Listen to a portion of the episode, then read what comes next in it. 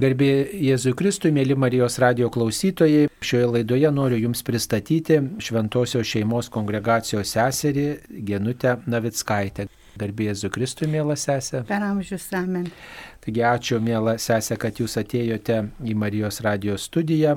Tikrai mėla visada sutikti tikinčių žmonės ir tuos, kurie nori pasidalinti tikėjimo žinia su mūsų Marijos radio klausytojais.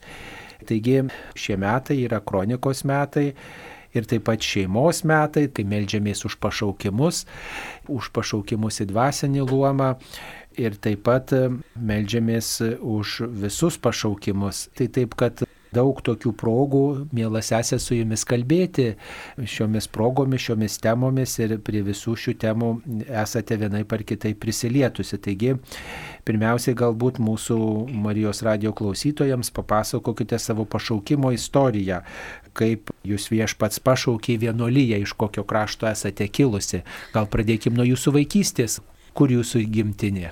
Mano gimtinė yra Zarasai, netoli Zarasų miestelio už ežero. Ir labai graži gamta ten ir Dievas mane apdovanojo labai gerais tėvais. Labai geri tėveliai buvo ir visa šeima buvo labai praktikuojantis, tikintis, santarvė gyvenantis žmonės, kur vyravo meilė tarp tėvų ir vaikų ir nuoširdžiai bendravom, globojom vieni kitus. Tai Tiesiog tas pamaldumas, tas tikėjimas gal iš tėvų išplaukia, ypač iš mamos, kuri labai labai, labai meldėsi už vaikus ir kalbėdavo rožinį, aš dar vaikystėje su mama, dar nedidukė buvau, kalbėdavo rožinį, išmokau sveiką Mariją ir mama liepdavo man diktuoti, va čia dabar nuo tos vietos tu kalbėk toliau. Tai man tai būdavo smagu, tai būdavo gera. Kai ėjau į mokyklą, ten vidurinė mokykla Zarasuose buvo. Ir galvoju, jeigu aš nesukalbėsiu rožinė įdama į mokyklą, tai man bus blogai. Ten persiryti truputį su valtim, o paskui toliau eini pešias ir buvau suskirščiusi tos kelionės tarpus. Šitas liepinys bus iki tos vietos, tos iki tos ir taip iki pat mokyklos ir sukalbėdavau rožinio dalį.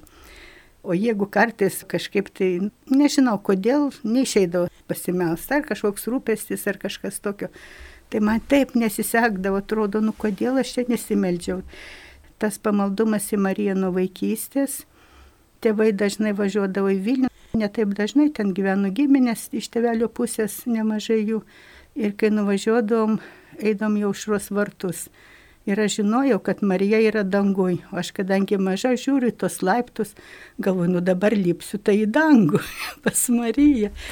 Tai tas vaikystės prisiminimas jau šios vartai, tai man ta Marija įaugusi mano vidų, mano sielą. Ir kai tik nuvažiuoju, tai pirmas žingsnis jau šios vartus prie Marijos. Ir aš tiek ten visko gaudavau. Ir, ir pašaukimų, paskui papasakosiu pašaukimo kelyje Marija mane išvedė stebuklingai ir iki šiol, tai jeigu kokia problema ar vienolinė ar ką, tai aš sakau, leiskit man važiuoti užos vartus. Tai visada leidžia ir šiaip netaip nuvažiuoju. Tai mano vaikystė ir paskui pašaukimą aš įgyjau, mano brolis įstojo į seminariją, aš buvau 11 klasiai, nežinojom, kad yra vienuolinai. Ten tas kraštas toks buvo Labai rusų tautybės žmonių Lenkų gyveno ir ten, kad vienuolynas yra, tai ten niekas nežinojo. Kai stojo mano brolis, tai buvo baisu, ten visas rajonas buvo sujudęs ir brolis atvažiavęs atostogų kalėdom, sako, žinot, pasakysiu stebuklai, yra vienuolynai ir yra jaunų vienuolių, tokia kaip tu, genutė. Man akis įsiplėtė galvoju, jeigu jie yra vienuolynai ir tokie kaip aš, tai reikia kažką. Nenusprendus buvau, kad aš tikrai būsiu vienuolė. Bet tuo metu aš galvoju, jeigu tokių yra, tai ką jos ten veikia. Man tas malsumas, kai baigiau vidurinę, paskui dar nelabai išleido, tai bet kur mokytis, reiškia, jeigu kaime gyveni, tai turi kaime dirbti. Tai aš ten belė kur įstojau, buhalterė mokiausi ir kažkaip bebaigiant ten metai, keli mėnesiai, tie buvo mokslai mano ir važiuoju aš egzaminų laikyti tuos paskutinius. Ir brolis atvažiavęs sako, nu žinai, genutė, tai va neturėsi draugų, draugių. Tai žinai, ką aš tave supažindinsiu su gerom draugiam. Ir jis taip atsitiktinai pažinojo ten šventos šeimos seserys. Ir jis ten ar specialiai, ar tai paliko kažkokį lagaminėlį, sako, tu naik ten paimk. Ir aš vieną dieną nueinu, užmirštu kitą dieną ir taip ėjau, kol aš pagaliau atsikvošėjau ir galvoju, reikia man paimti lagaminėlį. Ir tuo metu aš stebėjau tas seseris, o jos tokios nuoširdžios, tokios paprastos, tokios atrodo, kad aš savoj šeimoj. O čia Kaune buvo? Ar... Kaune, Taip. Kaune. Ir aš vienos tokios jaunesnės sesutės paklausiau, sakau, klausyk, ar priima dabar vienuolyną? Priima, sako. O to ar norėtum, sakau, nu norėčiau, bet nei namuose niekas nežino nieko. Aš pati savo sumašiau ir aš dabar jau pilnametė, jau 19 metų ir galvoju, aš dabar stosiu vienuolyną. Kokie čia buvo metai? Čia buvo 66. 65 baigiau, 66 jau. O sovietmečių, kaip mokyties mokykloje, ar kaip komjaunimą kalbino stoti? O, devuliau, tu mano, ten mane knetskino, kaip kas norėjo, žinokit. Kalbino žodžiu stoti. Ir kalbino, ir ypač pradinė mokykla, paskui vyresnėse klasėse, kai brolis įstojo į seminariją, tai aš kažkaip žinojau mūsų šeimą ir taip jau per daug, žinot, ne, nu, nebaigė. O kaip pradinė mokykloje, tai paprasčiausiai liepė pionierių stoti, ten vaikam paskatino, ten važiuosim, dainuosim, šoksim. Ir aš kaip kvailiukė pasakiau, kad tikrai būsiu pionierė, atinu namo. Ten buvo toks truputį sujudimas visų šeimos narių ir atsimenu, tėtis davė man 3 rublius, dar senovinė tokie rubliai buvo ir apsiverkė ir man taip sujaudino iki širdies gelmių. Na jau pasakiau, nestosiu. Tai mokytoja pastatė, liepė visiems vaikams juoktis. Davat ką, tavo rožančius iki kelių, tu keliais vaikštai nieko iškentėjau, parėjau namo, pasakiau, sako, tu nieko nebijok. Taigi mes visi kartu esam. Ko tu ten bijai toj mokyklai? Tai tokia atmosfera buvo gera, va tie broli mane globojo ir žaidė su manim ir padėdavo mokytis. Tai man toks tvirtumas įgyjo. O kai brolis stoja seminariją, tai labai važiuodavo ir iš apylinkės, ir mokytojai ir iš vykdomo komiteto, ir pas tėvus, kad reiškia neleiskit sūnui, kad neįstotų. O broli pažadėjo be jokių egzaminų įstos į universitetą, tik tai atsimk pareiškimą į seminarijas. Tai čia toks buvo, bet man tai toks buvo drasus momentas, kad aš išmokau laikyti savo. Gal Dievas taip mane ir užaugino nuo vaikystės. Tai paskui po to brolio pokalbio, kad yra vienuolynai ir aš nutariau stoti ir pasiprašiau, jau priėmė mane kandidatę. Paskui jis atvažiavo, biskė apibarė mane, sako, taip niekas nedaro, reikia galvoti kokius metus laiko. Galvoju, nu kodėl aš turiu galvoti, jeigu man dabar reikia vienuolyną. Tai taip mane priėmė ir... O kaip tėveliai reagavo, kai jūs pasakėt, kad stojate į vienuolyną? Mamai pasakiau iš karto, o tėčiui tai brolis pasakė gal už kokio pusės metų. Kažkaip galvo, gal tėtis bus nepatenkintas, gal ką tai. Kai brolis pasako, kodėl jinai man nesakė, svarbu, kad jinai būtų laiminga. Toks mano džiaugsmas, sako, jeigu ten laiminga, tai tegu būna. Tai, tai taip ir prasidėjo tas gyvenimas vienuolynė kažkaip smagu man vienuolynės seserys geros. Kaip ateina naujas žmogus, tai kažkaip daugiau globos tos yra, daugiau to visko. Ir aš pajutau, kad aš tikrai čia esu reikalinga ir tom senesnėm sesutėm, ką nors patalkinu, ką paprašo. Tai paskui novicijatas, sovietmetį novicijatas, tai nebuvo toks kaip dabar. Davė knygą novicijų, buvo magistra, ta magistra labai buvo užimta darbais, ten porą kartų susitikom, o pagrindė buvo knyga novicijum. Tokia nuo senovinių laikų, tai aš studijavau, mokiausi, su labai gerom sesutėm gyvenau, jos mane pataisydavo, kai ką patardavo, kai labai dėkinga esu. Paskui pirmieji žiedai, paskui amžiniai žiedai buvo ir jau dabar kiek 53 metai, kaip po išžadų gyvenu. O į tą pogrindžio spaudą, tai čia medicinos mokykloje mokiausi ir ten buvo mašinraštis, buvo įvestas dėl to, kad mes istorijas ligoninėse galėtum spausdinti. Ir mus pamokino akląją sistemą. Aišku, aš ten gerai neišmokau, Bet aš jau ten susigaudžiau ir pradėjau taip paspausdinėti, ką nors. Taip pas... ne, ne tik dviem pirštais, Ne, bet, ne. Keli, bet jau keliais pirštais. Keliais pirštais. Ir kas pakvietė dalyvauti pogrindžio spaudoje? Per vyresnėje pakvietė kardinolas dabartinis. Sigitas Sigitas Tamkevičius. Tamkevičius. Tai jis sako, ar sutiktų jinai. Tai genutė paklausė, genutė vyresnioji buvo vardas irgi. Sakau, nu gerai, tik tai, žinot, atsakingas darbas, kad aš pataikyčiau, čia nebelieka paspausdinti.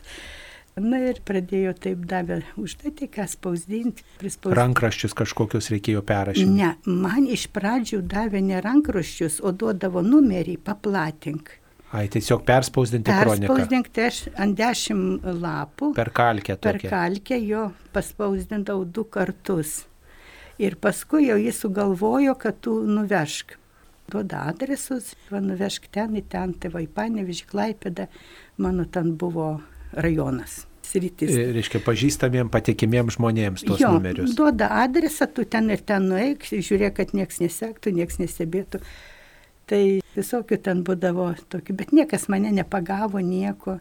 Būdavo prikraunu tą kroniką tokią tašę, nuvažiuoju su taksi iki turgaus žaliakalnį, priperku kokio bolių, morko ant viršaus ir tardžiau su Pakeleivingo Pakeleiv- jo. mašinom važiuojat. važiuoju, kur jie važiuoja, paklausiu ten, nu, tai mane iki tos vietos, paskui kitos laukiu, arba jeigu yra autobusas, tai autobusu pavažiuoju. Tai per vieną dieną nuvažiuodavau į Panevežį, paskui tam pakelivingom į Klaipedą, ten pernakvodavom, ten turėjom tokį butelį, mes palangoj, ir ten tokia sesutė Klaipedoje gyveno, arba pas ją, arba pas ją.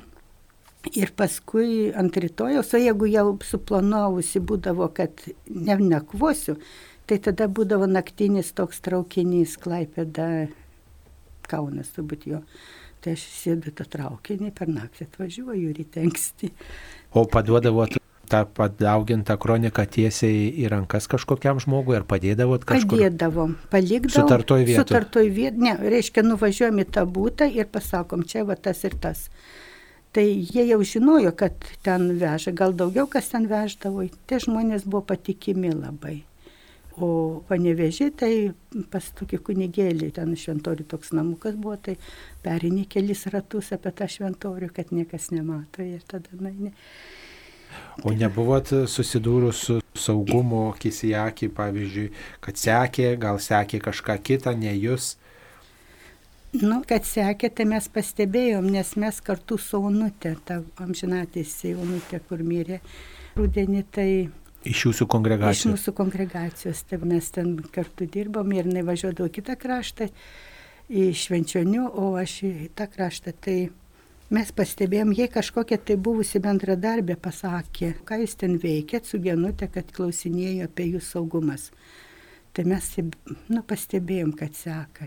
Ir tie numeriai, tos numerius jau žinojom, pavyzdžiui, įlipi į autobusą arba troleibusą ir važiuoja iš paskos. Įlipam, važiuoja į priekį. Į priekį stotelį sustoja, jeigu tu neišlipi, tai toliau važiuoja iš paskos. Tai žinojom tos numerius ir mes jau taip biskimėtidavom. Juoda Volga važiuodavo. Juoda arba balta. Tai jau iš saugumo, Iš saugumo. sovietinio saugumo pa- pareigūnų taip, kažkas sekė. Taip. Ir kaip nebuvo taip prirėmę prie sienos maždaug, ką jūs ten vis dėlto veikėt iš tikrųjų. Ne, ne, ne. Tik mane pagavo spausdinimo vietoj. Spausdinimo vietoj pagavo kibartuose. Ten turėjom tokią senutę, kuri ten priėmė spausdinti, bet jinai nežinojo, kas spausdino. Galvo, gal kokias maldaknygės, gal kokias maldelės, eina per daug neklausinėdavo. Tai sakau, čia biski maldelių paspausdysim. Ir iš vakaro atvažiuodavo, ta genutė mūsų vyresnioji vargonikavo tada kibartose ir aš pasipernakvodavau, paskui anksti ryte eidavau jau dirbti. Ir nieko, nei aš įtariau, ką nors nieko ir ryte apie 9 val. atėjo ir mane pagavo nusikaltimo vietoj. Spausdinant kroniką. Spausdinant jo. Bet ta moteriškė tai sakė, aš girdžiu, kad genutė, genutė, aš greit nustojau spausdinti, bet jau neturėjau galimybės kur nors sunaikinti. Tai jie greit pribėgo prie tų durų, atidaryk, atidaryk, ten buvo užsikabinus kabliukas toks buvo, galvoju, ką jie paspirs ir išlauš, nu ir viską rado, tai ką rado. Nu tai nieko, viską paėmė, sudėliojo ir O jums, jūs areštavo ar kaip? iš karto mane pasodino į, į tą mašinytę, toks viliukas buvo, žinot, toks brezentinis. Ir, ir ta moterytė, tai mane išlaikė Vilkaviški iki pat vakar, iki 12 nakties. Paskui jau vežė į Vilnių.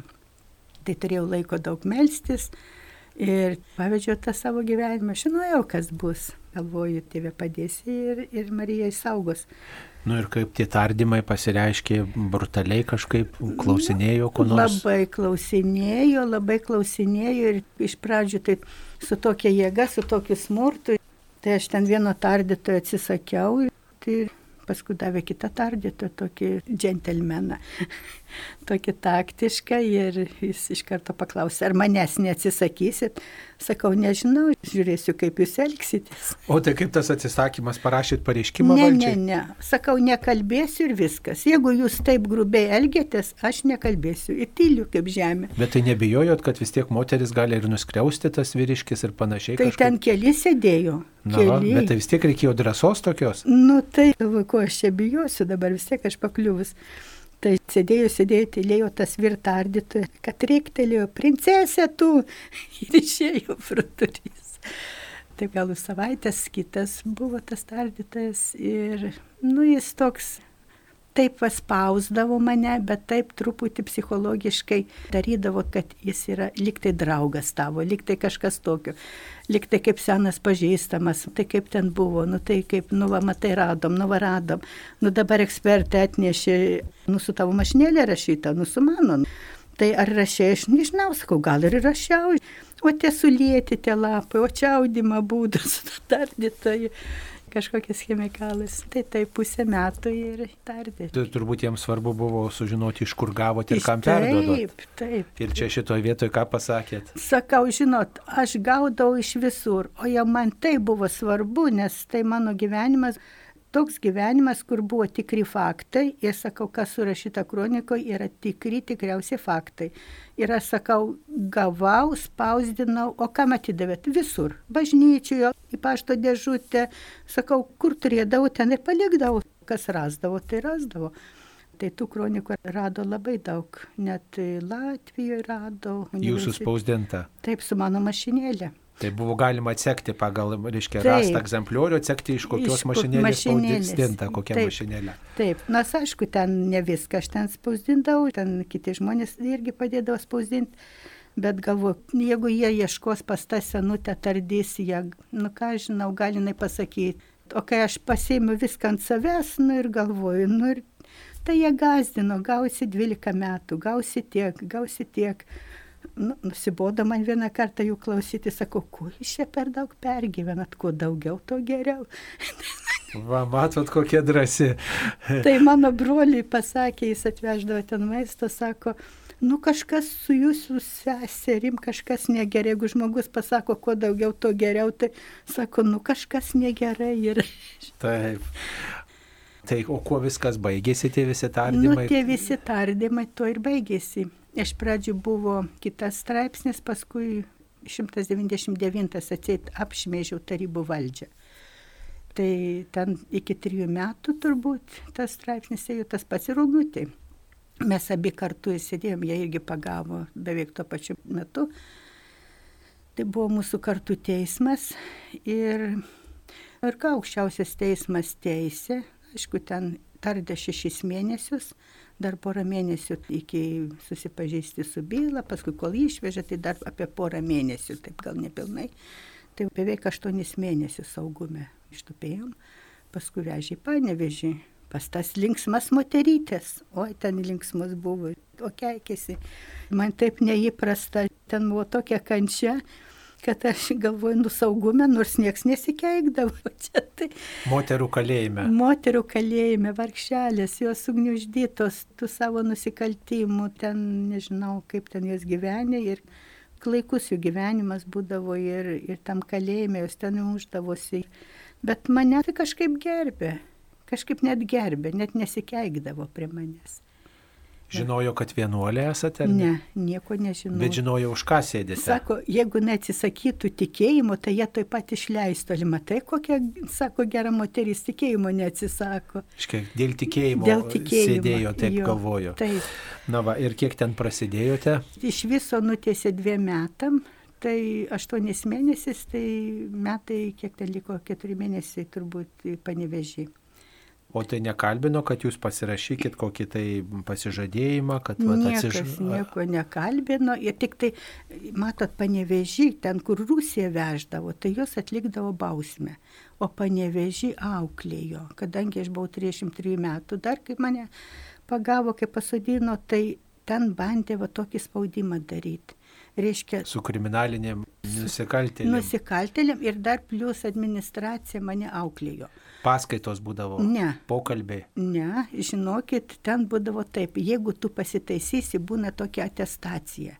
Pusę metų pasėdi, ten susirenka visa administracija ir tavęs klausia, ar tu supratai, kad tu padarai nusikaltimą, ar tu gailiesi.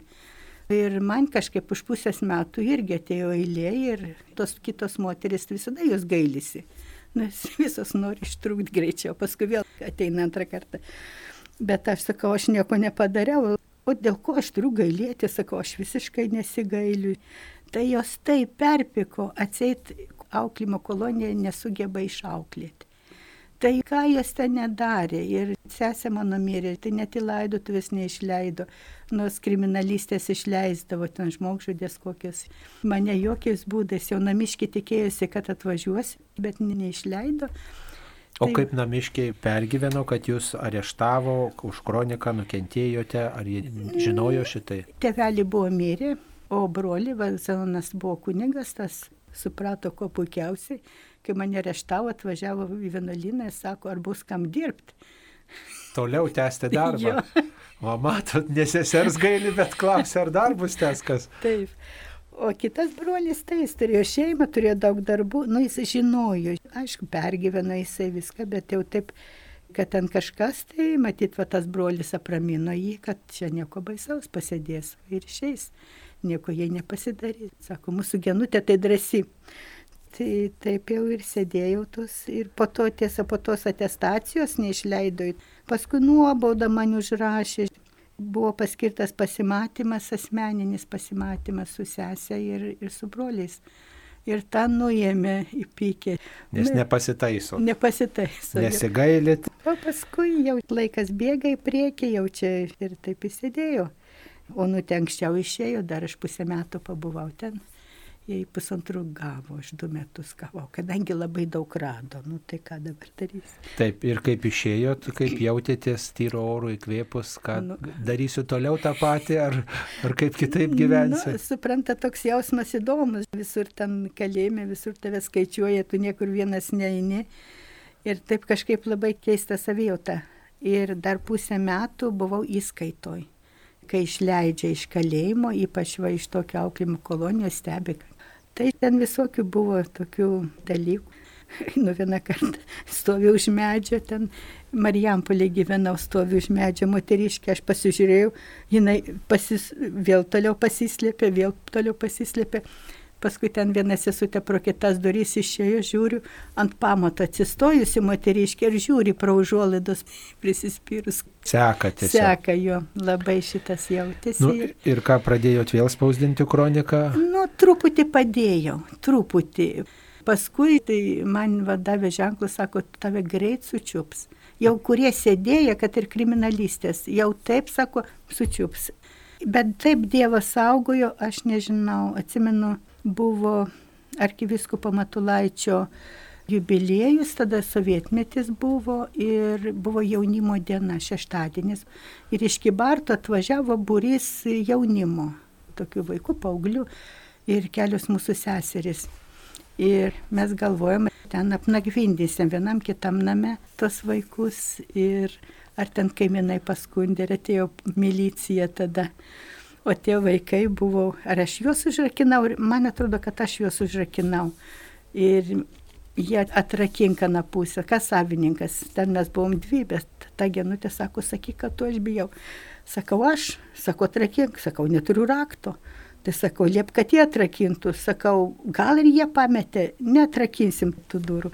Tai jie, žinokit, saugojo policiją, nuvažiavo, gavo prokuroro leidimą, sankciją ir atėjo išlaužę duris, tos vaikus visus suėmė, nuvežė į miliciją, tada buvo toks juokas. Na ir laukia, kol tėvai atvažiuos, tai tėvai paskui pasėmė savo vaikus iš milicijos. O mane tiesa dar, paskui po dviejų savaičių atėjo ir kaip kratą daryti, kaip ką, ir pradėjo vaikščioti po kambarius rado ten tokią seną mašinėlę jau nenaudojimą, o tuo metu buvo kronikų va toks pundas. Didžiulis pundas, Didžiulis sprindžio storio. Taip, ir aš turėjau jį išvežti ir aš galvoju, po tuo atlaidu toj pat išvešiu. Ir kur jie buvo padėti? Ir jie buvo toks sandėliukas, buvo ten visokių rakandų ten kažkokie įindai, nenaudojamos senos lėkštės, sakėm, kam nors atiduosim ar ką. Ir buvo toks storas žalias popieris. Ir aš po to popierių toli, toli, toli nugrūdau. Ir jie ten pasižiūrėjo. Ir aš pamačiau, kad jie nuėjo tą sandėliuką. Tai tada širdis į kulnus? Aš tada greit kudašių nešiau, nes jeigu jie randa be savininko, tai gali įsiginti, kad jūs ten patys padėjot, nes aš tuo metu nebuvau. Tai šitą dalyką žinojau ir paskui jie ten nerado, tik rado tokias senas dvi mašinėlės atsinešė, sako, kieno jos. O toks buvo vargšas senukas kunigėlis, ar jis buvo miręs, atrodo, ten Marijampolės rajone kažkur dirbo, tai sakiau, čia jo jis paliko man prieš mirtį, gal aš pataisysiu, kad ar ką. Tai viską suėmė, ar apie ten vienuolinės knygas tokias religinės paėmė viską ir jie viską įsinešė. Bet numerių nerado. Nerado. Kronikos. Pagalvokit, koks stebuklas. Taip. Na. Ir paskui tie numeriai atiteko kažkam, kam ir turėjo. Kam atitekti. turėjo jo, buvo nuvežti ten, kur turėjo jie būti. Bet jau širdis tai spurdėjo, spurdėjo. Nu, per daug ne. Nu, suprantat, kai ten pabūni tarp jų ir, ir žinai, tą, nu ką jie gali padaryti, nu pasadins antrą kartą, nu ir kas. Nu ir nieko, nu pasėdėsi, atsėdėsi. Bet jau daugiau tada duotų kalėjimo ilgesnių nu, metų. Tai be abejo, jie dar išvežtų kur nors pas, pas baltas meškas. Meškas, jo nesiauklėt nesisekė jiems.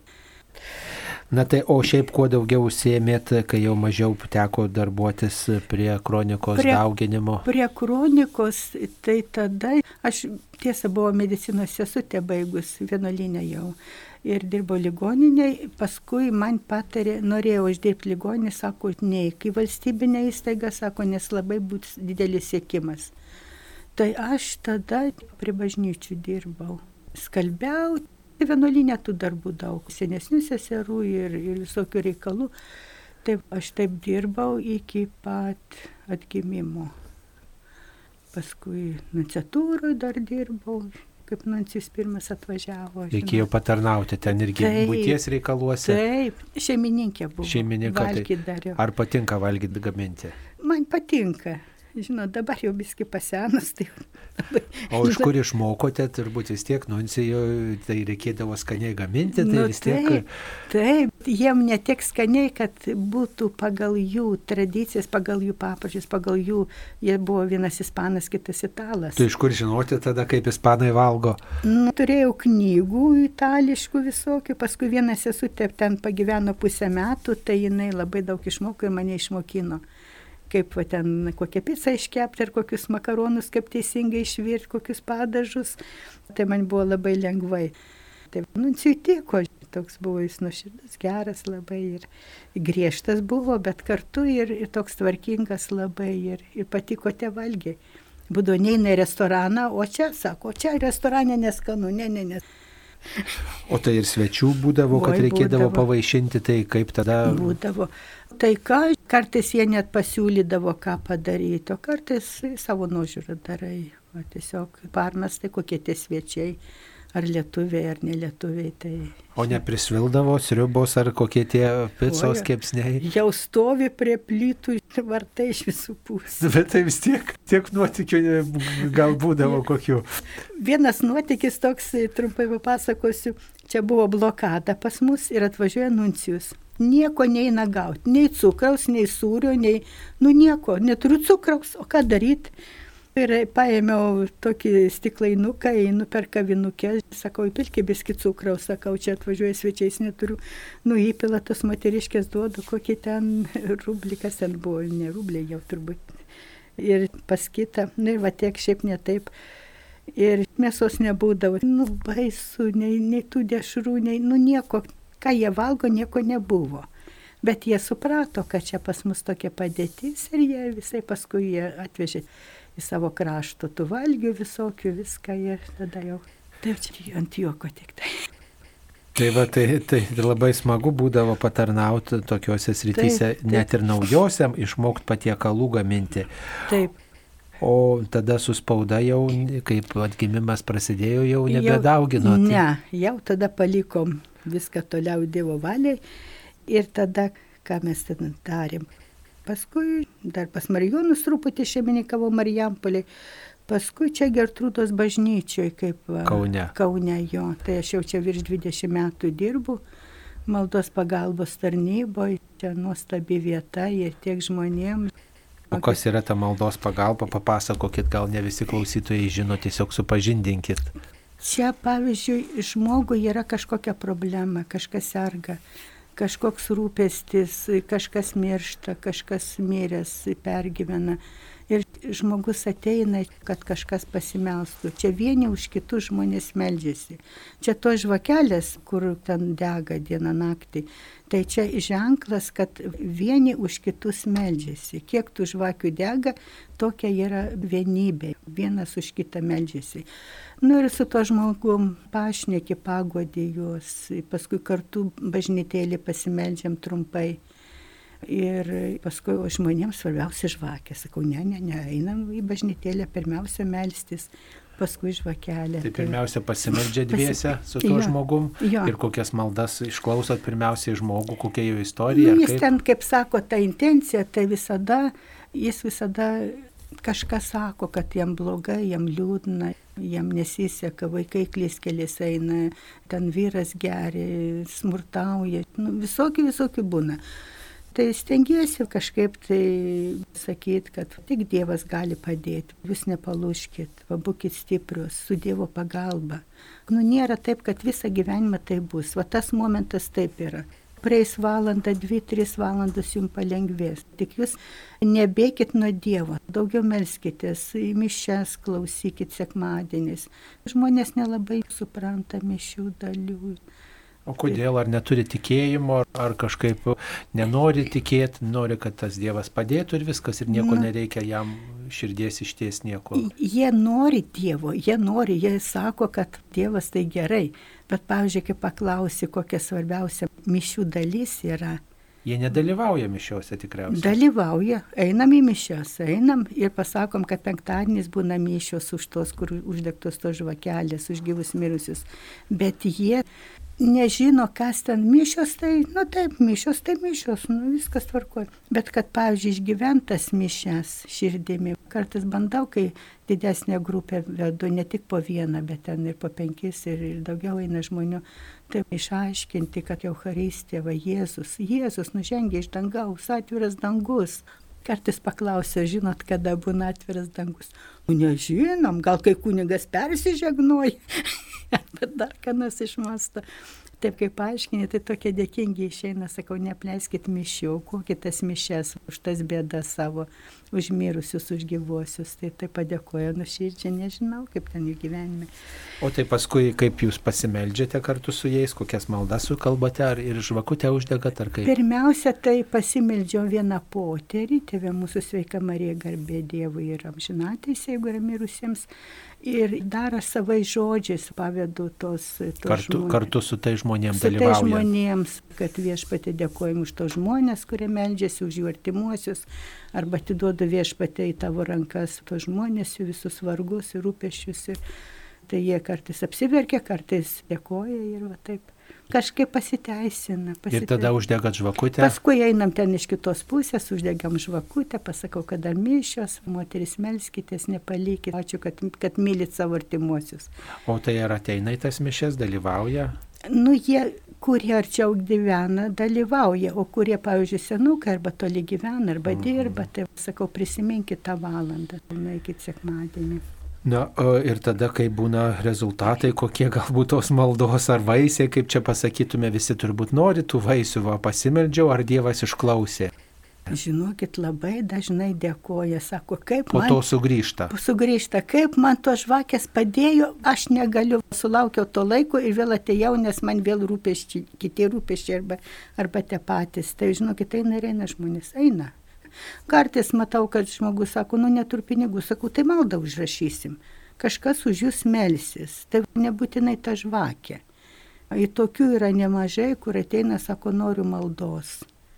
Tai vis tiek dalinam tas maldas. O už tą žvakelę reikia kažką paukoti. Nu, reikia paukoti. Ten. Kiek kas gali, Kiek, nu, tai yra tokia nustatyta, nes to žvakės dega visą savaitę, tai ten toks, skaitau simbolinis, bet žmonės kartais ir daugiau palieka ten bažnyčiai. Nu taip. Ja.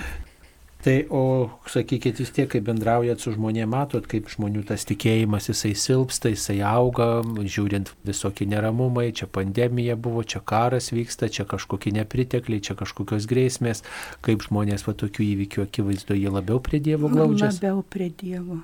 Ir tas labai jaučiasi ir jaunų, kiek ateina jaunų šeimų ir, ir pagyvenusių žmonių ateina padėkos, tą žvakutę uždegti, va, kad Dievas man tai padėjo. Ar operacija pasisekė, ar kažkas tai tokio. Ir jaunimas ateina, jaunesni ateina, žmonės. Ateina jaunimas, visiškai jaunas mergaitės ateina, vos ne paauglės. Bet ar nėra taip, kad žmonės prašo pas Dievą kaip pas kokį kalėdų senelį, man reikia ir tu duok, tu atnešk. Ne, ne, ne, sakau, čia yra sudėtingas dalykas. Sakau, čia taip nėra, aš tau pinigą, tu man prekė. Čia yra jūsų gyvenimas viską nulėmė. Kaip jūs gyvensit, kaip jūs bendrausit su Dievu. Atsikeliat rytą, mintimis vieną ranką Dievui, kitą per gyvenimą. Nepaleiskit tos rankos. Tik tada pajusit, kad va Dievas jūs saugo, globoja. Dabar ypatingai kaip Ukrainoje, tie tai žmonės labai jautri reaguoja į Ukrainos tos įvykius. Irgi labai daug meldžiasi už Ukrainą ir maldų prašo už Ukrainą. Ukrainietės net ateina moterytės. O kaip reikėtų žmonės paskatinti į tą maldos gyvenimą, kad ne tik tai galbūt kaip blogai ateitų žmonės melstis, prašyti, bet kad būtų tas toks nuolatinis, kaip sakot, Dievo rankos laikymas, šventose mišiose dalyvavimas, nuolatinis maldos gyvenimas, ar čia reikia tikrai dar kokių sukrėtimų, ar tiesiog žmonėms stebuklo kokio reikia, kad ateitų ta malonė ir žmogus atrastų tikėjimą, nes, žinot, kartais mišiose, kaip kunigai pasižiūrime, tai tikrai galėtų daugiau žmonių dalyvauti ir tų vietų suoluose atsisėsti yra ir tos laikas atrodo patogus, ar ryte ar vakare, bet ne tiek žmonių dalyvauja, kiek tų pakrikštytųjų yra. Kaip manot, kaip čia reikėtų prie Čia- tikėjimo žmonės pakviesti labiau? Čia tiesiog, nežinau, gal čia Dievo malonė, aš kartais galvoju apie jaunimą. Tėvai neina, vaikai neina ir jų vaikai dar mažiau. Tai reikia tokia katechizacija vyresnių žmonių. Ką reiškia malda, ką reiškia ta vidinis ryšys su Dievu. Tik tai taip gali išgelbėti savo vaikus, anukus ir, ir visą tautą. Nuklysta tie vaikai. Tie vaikai nuklysta, nu, kadangi nėra tėvų gyvenimo su Dievu. Kad tėvai gyventų tvirtą tikėjimą tokį ir patys eitų į bažnyčią ir kartu su vaikais. Bet čia yra, aha, vaikus reikia privesti, tai gerai, dabar privesim, o paskui jau jie patys. Jeigu tėvai nuolatinai nelanko bažnyčios, kaip sakoma, kaip donos, kaip oro, pavyzdžiui, sekmanis, kad naiti mišes, tai žinokit, tie vaikeliai bus toliau nuo Dievo. O pavyzdžiui, yra labai gerų šeimų. Labai sutinku gerų šeimų, kas sekmadienį eina ir vedasi tos vaikelius ir jie visi laimingi. Bet tai palyginus tiek nedaug tų gerų šeimų. Nedaug, nežinau, čia Dievo malonė, Dievo stebuklas, kad atsiranda va tokių gerų šeimų. Tai tradicija. Va, kučias valgysim, ten margučius margysim, o kas tas yra, kodėl čia reikia į bažnyčią, prasmė kokia to šventės yra. Žmonės to nesuvokia. Ir O kas turėtų papasakoti tą šventės prasme ir kaip reikėtų perteikti, jeigu tėvai nelabai tą turi? Nežinau, gal reikia labai didelės maldos, kad žmogus norėtų. Jeigu žmogus norės sužinoti daugiau, Ateina žmonės kartais sako, va čia sovietmetis buvo, čia aš nieko nežinau. Sakau, jūs domėkitės, jūs norėkit. Jeigu jūs norėsit, yra ir nepakrikštytų saugusių, ir be sakramentų. Ir sakau, pirmas dalykas reikia norėti. Jeigu jūs norit, kad vaikai būtų gerinukai, pradėkit nuo savęs. Po truputį, staigiai ne visada pasiseka bet po truputį susipažinkit, yra Marijos radijas, labai įdomios laidos, labai daug maldų, įsijunkit ir, a, tikrai tokia yra, sakau, tikrai yra. Tai dar tokių dalykų būna, bet kažkaip kiek sutinki žmonių iš savo pusės, tai kiekvienam primeni kad tu, vargšelė, tu gyvenk dievų. Ne taip, kad nuėjau, sutvarkiau vaikus viskas, bet tu pati gyvenk. Tada vaikas matys, anukas matys, kad močiutė yra gerai, jinai šiaip susinai laiminga. Tai šitai bandai daryti žmonėm, bet kaip čia masiškai padaryti, tai nežinau. Nu, va, jūs priklausot šventosios šeimos vienuolyjei, dabar kaip tik yra šeimos metai, čia, aišku, šventosios šeimos šventė buvo, turbūt tai yra ir jūsų kongregacijos šventė. Kaip jums tas šeimų, ta tema, tas šeimos klausimas šiais metais kažkaip jis artimesnis, svarbesnis, jūsų pastoracijų labiau atsispindi vienuolyjoje ar kaip kitaip? Taip, labai šeimos. Ir, pavyzdžiui, sesutės, kurios daugiau pasimokė yra, tai jos daro tokius rekolekcijas šeimom bendrauja su šeimom, stovyklas daro vasarą. Ir pavienės sesutės, kur mano jau vyresnis amžius, tai čia man per daug ne, negali. Bet jaučiasi, kad vieni su vaikais, su jaunimu, su paaugliais. Ir kai pasižiūriu savo seseris, tai galvoju viešpatį, iš kur tu gavai tokių žmonių, kad va juos taip sugeba, su kokiais paaugliais, kur ten aš bijočiau prie jų prieiti. Puikiausiai susitvarko. Man atrodo, kad jūs tokia šviesus žmogus esate, tokia šviesi sesė, tai turbūt su visais žmonėms sutartumėt. Galbūt, kiek gyvenau su sesutėm, su visom. Man gerai vienuolynė. Man gera, kai šalia yra žmogus. Kartais matai, kad sesutė liūdna, kažkas jai nepasisekė, kažkas tai serga, bent kažkas tai darosi.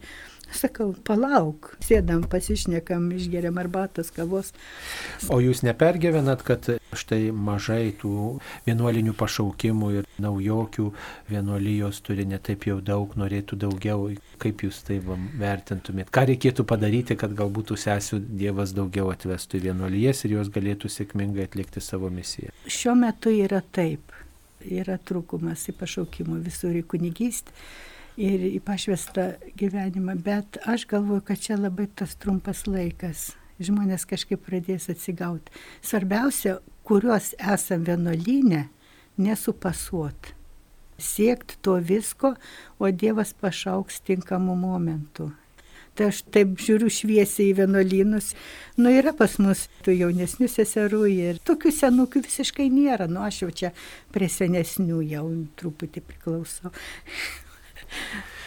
O kitos tai jaunesnės, tai ačiū Dievui ir dar bus, Dievas pašauks, turit vilties. Taip, aš turiu vilties, galvoju, jeigu mane iš vidurių kaimo kažkur pašaukė į vienuolyną, tai galvoju, čia stebuklų stebuklų. Nu, kad gal dabar tie kaimai tušti, mažėja tų žmonių, tai tik Mažėja. iš kaimo gal ir šaukia viešpats, iš miesto papuikusių, išpuikusių nešaukia, ką? Taip. Galbūt, bet yra visur gerų žmonių. Viena čia tokia tolima giminaitė ir važiavom ten į kapus ir jinai man pasako, sako, mieste yra daugiau tikinčių, geriau tikinčių negu kaime. Kaimas, sako, visiškai juodas yra. Nežinau kodėl.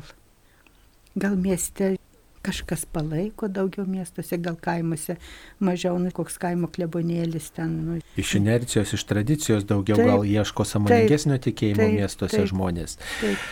Na, sesė, baigdami šią laidą, kaip galėtume apibendrinti mūsų pokalbį jūsų gyvenime buvo tokių įvairiausių istorijų ir, ir dirbote ir nunciatūroje, dirbote ir prie kronikos, sėdėjot kalėjime, meldėtės, štai dabar patarnaujat Marijonų šventovėje. Ką galėtume pasakyti žmonėms, kurie abejoja, kurie tą tikėjimą žiūri taip atsainiai, iš savo gyvenimo patirties, kaip galėtume paskatinti labiau žmonės prie Dievo linkti. Aš kartais taip galvoju, norisi kiekvienam žmogui pasakyti, be Dievo žmogui sunku. Mažiausia bėdelė kokia nors žmogų iš pusiausvėros išveda. O kaip tu tvirtesnis, va, ar tiek prie Dievo, tu atsimink, kad yra Dievas, kad tu gyveni nuo iki, kad gyvenimas tau yra labai brangus ir Dievui brangus tavo gyvenimas. Atsisukit į Dievą ir su Dievu savo problemas spręskit, ne vieni patys, nes vieni patys nieko neišeis. Ačiū mielai sesiai Genutė Navickaitė, kuri yra Šventosios šeimos kongregacijos vienuolė ir dalyvavo šioje laidoje ir pasakojo ir savo pašaukimo kelią ir taip pat pasidalijo mintimis, kaip sekėsi bendradarbiauti kronikos platinime. Tie viešpats įkvėpia mums daug vilties ir te padeda bendradarbiauti su Dievu visose situacijose. Seserį Genutė laidoje kalbino aš kunigas Saulis Bužauskas. Ačiū, sudė. Ačiū Jums.